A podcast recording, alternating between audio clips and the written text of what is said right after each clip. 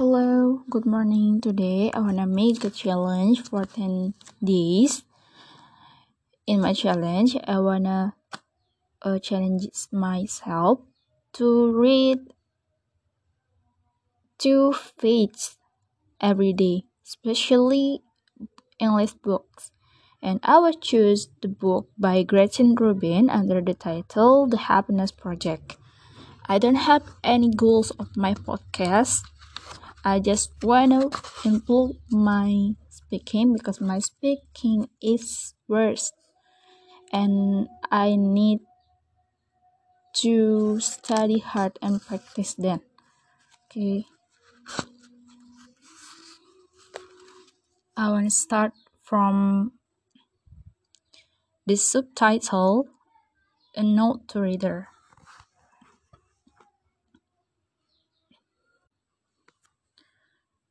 A note reader. A happiness project is an approach to changing your life. First is the preparation stage. When you identify what brings you joy, satisfaction, and engagement, and also what brings you guilt, anger, boredom, and remorse. Second is the making of real solutions. When you identify the concrete actions that will boost your happiness, then comes the interesting part keeping your resolutions. This book is the story of my happiness project. What I tried, what I learned, your project will look different from mine, but it's the rare person who can benefit from a happiness project. To help you think about your own happiness project, I regularly post suggestions on my blog and I've also created a website, the Happiness Project Toolbox, that provides tools to help you create and track your happiness project. But I hope that the most compelling inspiration for your happiness project is the book you hold in your hands. Of course, because it's the story of my happiness project. It reflects my particular situation, values, and interests. Well, you might think if everyone's happiness project is unique, why should I bother to read about her project? During my study of happiness, I noticed something that surprised me. I often learn more from one person's highly idiosyncratic experiences than I do from sources that detail universal principles or cite up to date studies. I find I find greater value in what specific individuals tell me worked from them than in any other kind of argument. And that's true even when we seem to have nothing in common. In my case, for example, I would never have supposed that a whitey lexicographer did Tourette syndrome, a 20 something tubercular saint, a hypocritical Russian novelist, and one of the founding fathers would be my most helpful guides. But so it happened. I hope that reading the account of my happiness project will encourage you to start your own. Whenever you read this and you, and when wherever you are, you are in the right place to begin. Getting started. Page 1. The first page.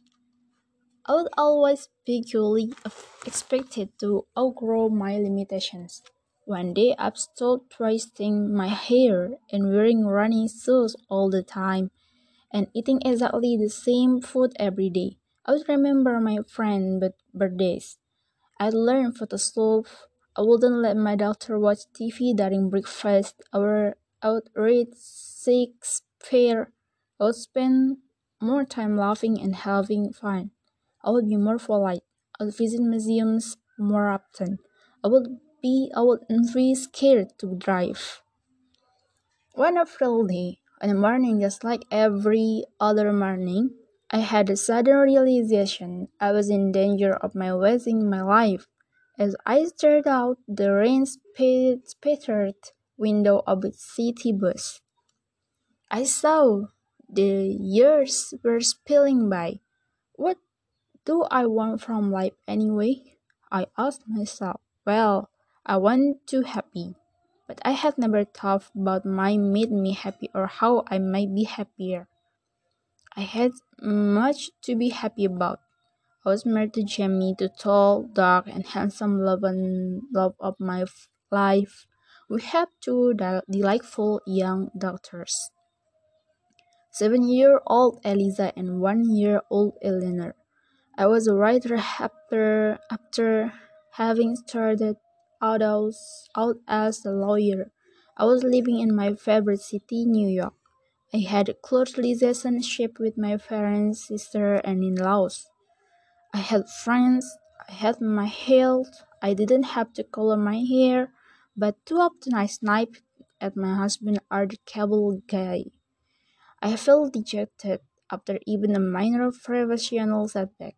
I dropped out of touch with old friends. I lost my temper easily. I suffered both a melancholy, insecurity, listlessness, and free floating guilt.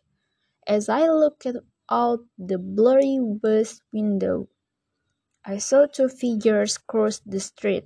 A woman about my age trying simultaneously to balance an umbrella, look at her cell phone, and pushed the stroller, stroller, stroller carrying a yellow slide-cart child. The sight gave me a jolt of recognition. That's me, I thought there I am. I have stroller, stroller, cell phone, an alarm clock, an apartment, a neighborhood.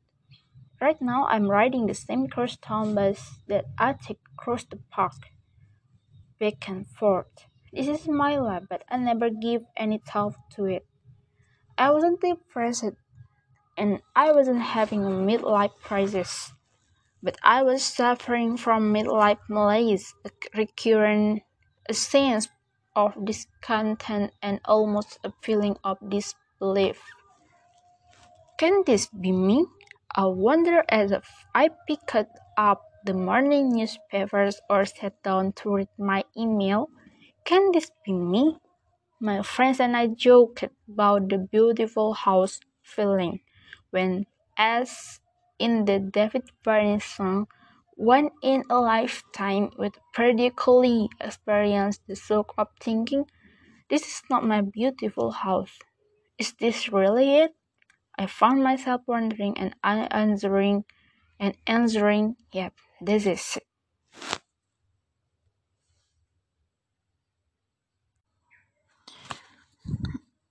Okay, maybe enough for today. For the first day's challenge, I was read two fates equals and I was and I want to continue my challenge tomorrow. Okay, thank you.